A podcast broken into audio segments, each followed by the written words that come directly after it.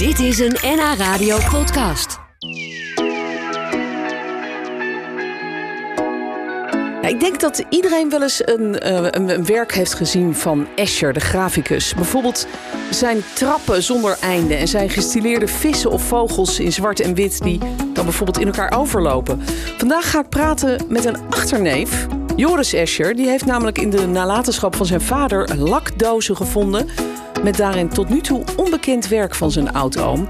Het was het startsein voor een, eh, een hele speurtocht naar wie Escher eigenlijk was. Daar heeft Joris ook een heel boek over geschreven met de titel Escher worden. Nou, Joris is vandaag bij ons te gast. Welkom, wat leuk. Dankjewel. Ik heb je net even de hand geschud. En dan heb ik eigenlijk via jou de hand geschud van Escher. Dat vind ik echt heel bijzonder.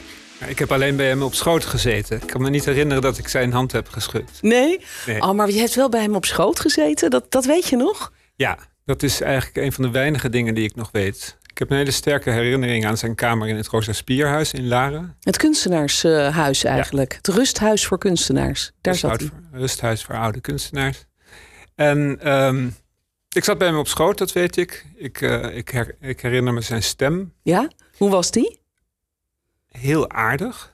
eh, met een mooie geprononceerde dictie. Ehm, ik hoorde hem van achter komen, want ik zat bij hem op schoot. Ik zat op de punt van zijn knieën. En ehm, ik herinner me het kamertje. Het was zijn kamer, atelier eigenlijk. Hij had twee kamertjes, een andere was slaapkamer. En ik herinner me ook dat er dingetjes stonden in de boekenkast. Van die puntige figuren, veel vlakken. Een vogelbeeldje met een vrouwenhoofd. Dat vaak eh, terugkomt op zijn werk, in zijn werk. Maar daarna werd ik, volgens mij door mijn vader, werd ik van zijn schoot ge- gepakt. Want ik was vijf, bijna zes. Ach, En hij was bijna dood. Ehm, en toen werd ik op de grond gezet. Dus ik herinner me ook nog de vloerbedekking. ja, hoe was die? Nou, van het harde, ruwe, eh, hoe noem je het, jute of sisal? Sisal, ja. Sisal, ja. Ja, ja. Ja. Ja. En, en de tuin eh, eh, van, een beetje, vonden ze een beetje een trieste tuin van het Roze Spierhuis. Maar dat keek uit of het later de achtertuin van een vriend van mij zou worden. Ja, ja. Nou, wat, wat bijzonder. Wat een mooie herinnering. We gaan eh, zo heel veel meer horen over jouw oude oom, moet ik zeggen. En ook hoe die familieconnectie precies is. Eh, fijn dat je hier bent. We gaan even koffie en thee voor je halen. Misschien ook nog wat te eten. Want je stond in de file, hè? Dat is even jammer. Ja.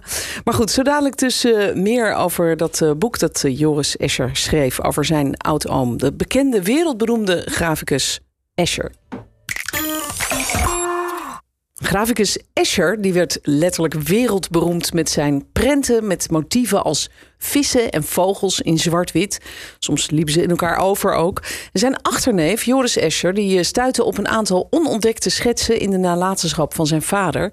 Dat was de start van een speurtocht naar zijn oud-oom. Een speurtocht die resulteerde in een mooi boek dat heet Escher worden. Dat boek dat is eh, net gepresenteerd en de schrijver Joris Escher die is vandaag mijn gast. En Joris, jij bent dus eh, familie van, van de grote Escher. Eh, leuk dat je vandaag bij ons bent. Ho- hoe zit die familieband eigenlijk precies? Broer van mijn grootvader is hij. Ja, ja.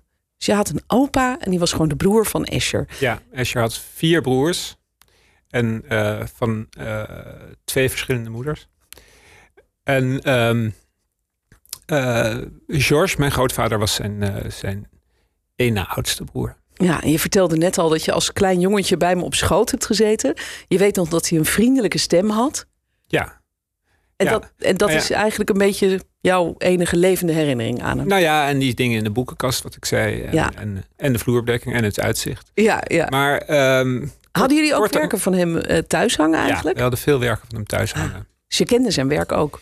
Ik ben opgegroeid met zijn werk. Dus eh, ehm, ik heb eh, in, in het donkerste hoekje van de werkkamer van mijn vader hingen een aantal prenten.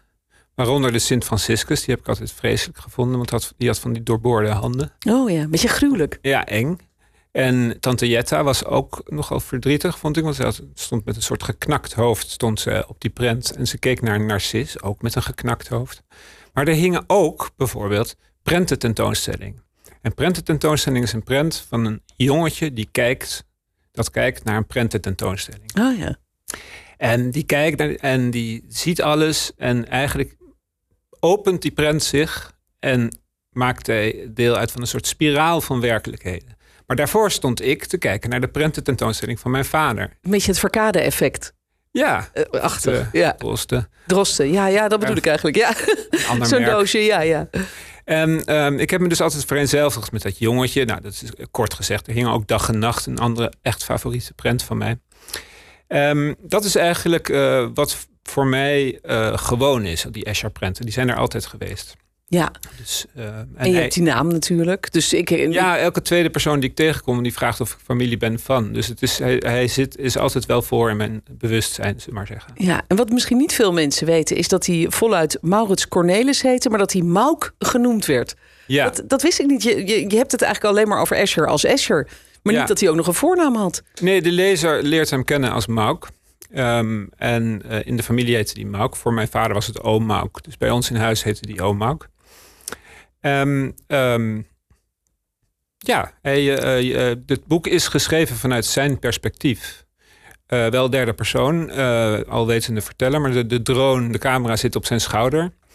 En die stijgt af en toe op voor een helikopterview. En af en toe kruipt hij in zijn hoofd. Maar over het algemeen zit hij op zijn schouder. Zo beleef je eigenlijk het ontstaan van zijn oeuvre vanuit zijn ogen. Ja, en de, en de aanleiding om dat te gaan schrijven was eigenlijk de vondst van een aantal lakdozen in de nalatenschap van jouw ja. vader. Of hoe, ging dat? Nou, het verhaal begint met mijn overgrootvader. Die was waterbouwkundig ingenieur voor de keizerlijke regering in Japan. Dus toen Japan openging in eh, 1870, toen heeft, hebben ze allemaal eh, specialisten uitgenodigd uit de hele wereld eh, om Japan mee te laten gaan in de vaart der volkeren, waaronder waterbouwkundigen uit Nederland.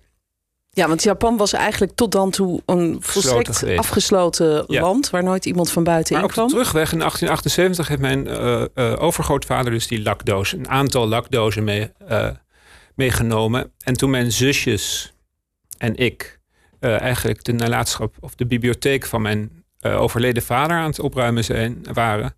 Toen vonden we acht lakdozen, waaronder deze eigenlijk het eenvoudigste broertje van al die rijk bewerkte lakdozen. En dat was een zwarte doos. Ik opende hem en daar zaten allemaal ivoren puzzeltjes in. Puzzels.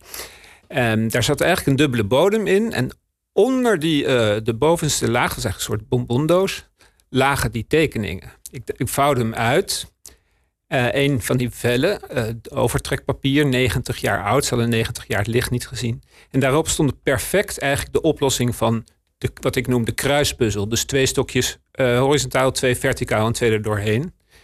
En die eh, moeten in elkaar gepuzzeld worden. Maar die oplossing in zes stokjes, zes tekeningen van zes stadia van oplossing van die puzzel. Ja. is een perfecte hand getekend, ondertekend door Escher. Het zijn een monogram, MCE, en een rare datum daaronder. Maar dat heeft eigenlijk het onderzoek in gang gezet. Ja, want dit, dit had eigenlijk nog nooit iemand gezien dus. Dit, dit was nog helemaal onontdekt. Ja, maar het is ook, het is ook geen kunst. Het is spielerij. Is het. Hij was met zijn vader, zat hij in de tuin die puzzels na te tekenen. Er zijn ook prachtige tekeningen van zijn vader, mijn overgrootvader. Dus dat, eh, maar dat eh, heeft mij eigenlijk aangezet. En eh, ik heb gedacht, want zo'n puzzel is, heb je heel veel driedimensionaal voorstellingsvermogen voor nodig. Vooruitdenken in de ruimte. Om die te kunnen oplossen. En toen heb ik eigenlijk gedacht, deze puzzel en deze tekening is eigenlijk de sleutel, de missing link in de ontwikkeling van Escher als kunstenaar. Ja, waarom hij is gaan maken eigenlijk, wat hij uiteindelijk is gaan maken. Ja. Waar je natuurlijk ook dat, dat, dat ruimtelijk inzicht en bijna wiskundige voor nodig had. Ja, met het, ook het onderscheid dat je, wat ik net zei, over, dat we begonnen met dat, mijn herinneringen over Rosa Spier. De herinneringen zijn eh, meestal die, die, het geheugen die gaat liggen op een plek waar die wil gaan liggen, is net als een hond. Maar die voorkeuren uit je jeugd, die zijn heel erg hard. Ja, ja. Die zijn heel sterk bepaald. Dus het was duidelijk een vo- voorkeur uit, zoals voor mij Escher een voorkeur uit mijn jeugd is, waren die puzzels een voorkeur uit zijn jeugd. Ja, jij bent in die geschiedenis van zijn leven gedoken. En eigenlijk ook van, van zijn eh, vader en, en, en opa, jouw familie. Eh, en je, je zei net al, je beschrijft zijn leven voor een deel vanuit zijn perspectief eigenlijk in dit boek. Het, het, leest bijna als een roman. Terwijl het natuurlijk wel allemaal waar gebeurd is. Maar hoe, hoe was dat voor jou om zo in zijn hoofd te kruipen? En ook hoe heb je dat gedaan? Had jij iets van dagboekaantekeningen of brieven waar je dat mee kon doen? Ja. Ehm, nou, eigenlijk is het eh, boek is een, een, een reis naar de oorsprong van zijn fascinaties. Dus de- de- die- gestart door die tekening. En ik wilde dus eigenlijk zo dicht mogelijk bij hem komen om hem zo goed mogelijk te begrijpen. Het eerste wat ik heb gedaan zijn alle, alle primaire bronnen. Dus zijn dagboeken, de fotoboeken, alle brieven die hij geschreven heeft. En een groot deel daarvan heb ik gevonden in de bibliotheek van mijn vader ook. Ja, ja. Dus dat zijn Ja. nog niet gepubliceerde brieven en briefkaarten aan zijn broers en aan zijn ouders. Maar die primaire bronnen, hoe aantrekkelijk ook, die houden toch een koele, beleefde afstand. Dus om de kloof van de geschiedenis te kunnen overbruggen, heb ik een aantal dingen bedacht. Het eerste was om met mijn handen te voelen wat hij heeft gedaan. Dus ik heb leren hout snijden. Ik heb een, eh, een paar prenten van hem nagemaakt. Ik heb nieuwe prenten gemaakt. Puur om te kijken wat het betekende om te leren graficus worden. ja, ja. Wat, wat heeft dat jou gebracht? Hoe, Nou, hoe was dat? Nou, wat me het meest heeft gebracht is eigenlijk dat ik de concentratie begrijp die hij nodig heeft. En wat dat doet met je als je in je communicatie met de buitenwereld. Je trekt je heel erg terug in jezelf. En het is ook verslavend. Ehm, en het is een hele prettige ruimte waarin je inkomt. En het duurt ook weer even voordat je terugkomt in de wereld. Ja, ja, ja.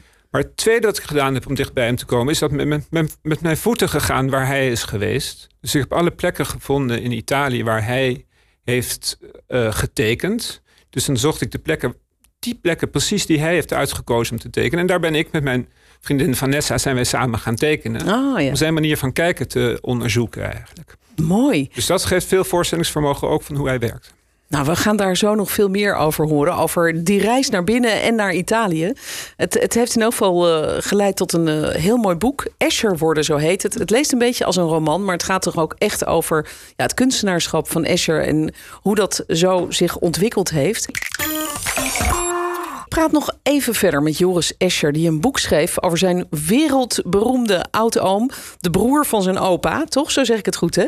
Graficus Mauk Escher, bekend van zijn bijzondere, nou, bijna wiskundige kunst met gestileerde vogels en vissen en trappen zonder einde. En je schrijft dat boek, eh, dat vertelde je net al, voor een deel vanuit Escher zelf, eigenlijk vanuit eh, zijn perspectief. Bijna als een soort roman leest het. Ehm, deel ook vanuit je eigen perspectief, omdat je echt letterlijk in zijn voetsporen bent getreden en ook de reis hebt gemaakt die hij heeft gemaakt. Ehm, maar je begint het boek bij zijn jeugd. Eh, kun je beschrijven wat, wat de kleine Escher voor een jongetje was? Het zat hem niet heel erg mee, hè? Nou, hij was ziekelijk. Ja. Hij had altijd buikpijn en hoofdpijn.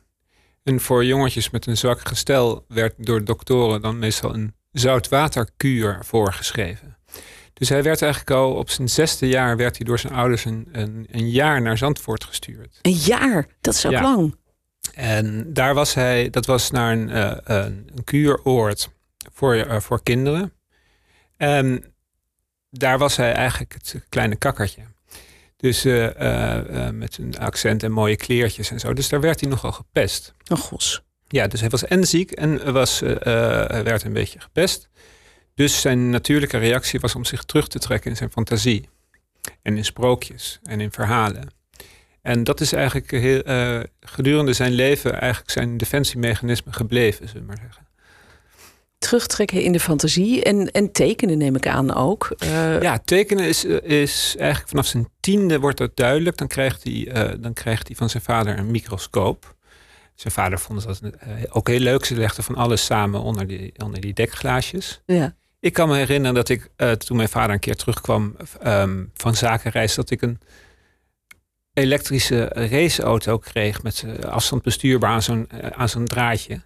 En ik wilde die meenemen naar mijn bed. Ja, ja. Nou, wat Mauk wilde is met die microscoop de microscoop tekenen. Dat was zijn eerste reactie. Dat wilde hij. oh, Hij, was, hij hield er zo van dat ding dat hij hem wilde tekenen. ja. Dus vanaf zijn tiende ongeveer. Ja, en hij, hij zat dus als kind een, een langere tijd in, in Zandvoort, ook in Bergen begreep ik. Hij werd daar gepest, voelde zich heel ongelukkig. Maar is dat misschien wel waar hij ook eh, in contact kwam met het verschijnsel vissen en vogels? Wat we later zoveel in zijn werk hebben teruggezien? Nou, ik denk dat ze, ehm, hij uit een familie komt van mensen die heel erg eh, eh, op de natuur georiënteerd waren. Ook Ja, ja. op, op eh, cultuur.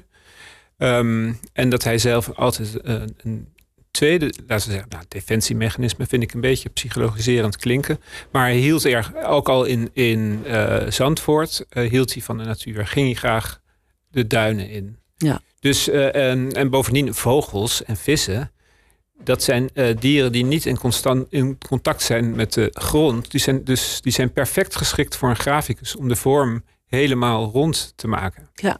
Dus die, voor een graficus zijn het ideale dieren. En bovendien hield hij ook nog heel erg van vogels. Ja. Ja, eh, je bent uh, in zijn huid gekropen, in zijn voetsporen getreden, letterlijk, want je bent gaan reizen naar Italië. Een reis die hij maakt, heb jij nagereisd eigenlijk. Hoe was dat? Voelde je niet enorm dicht bij hem of verbonden met hem?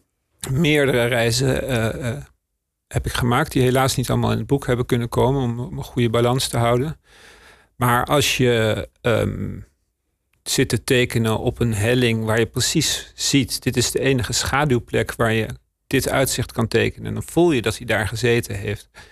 En dan uh, kijk je uit op de grote karstrotsen van Pentadatilo. Pentadatilo betekent vijf vingers. Het zijn vijf hele grote karstrotsen die, uit, die naar, naar de hemel steken.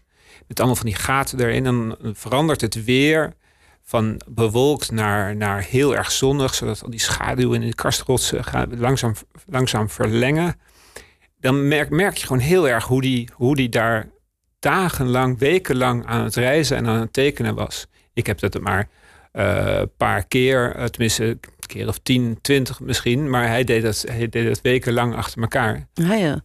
Um, en, dat, en dan, voel je, dan voel ik me heel dichtbij. Dus niet alleen steeds als je die plek vindt die hij gekozen heeft, maar ook als je het gevoel van het tekenen en die hyperconcentratie die je krijgt van het tekenen, het één worden met die natuur. Ja, dat is, dat is iets wat je cadeau krijgt eigenlijk als schrijver. Dat je daarin kan verbeelden. Ja, herken je ook iets van hem? Want je hebt hem natuurlijk goed leren kennen, doordat je in zijn hoofd en, en in zijn leven bent uh, gedoken. Ja, of over dat in zijn hoofd uh, gaan. Het was eigenlijk.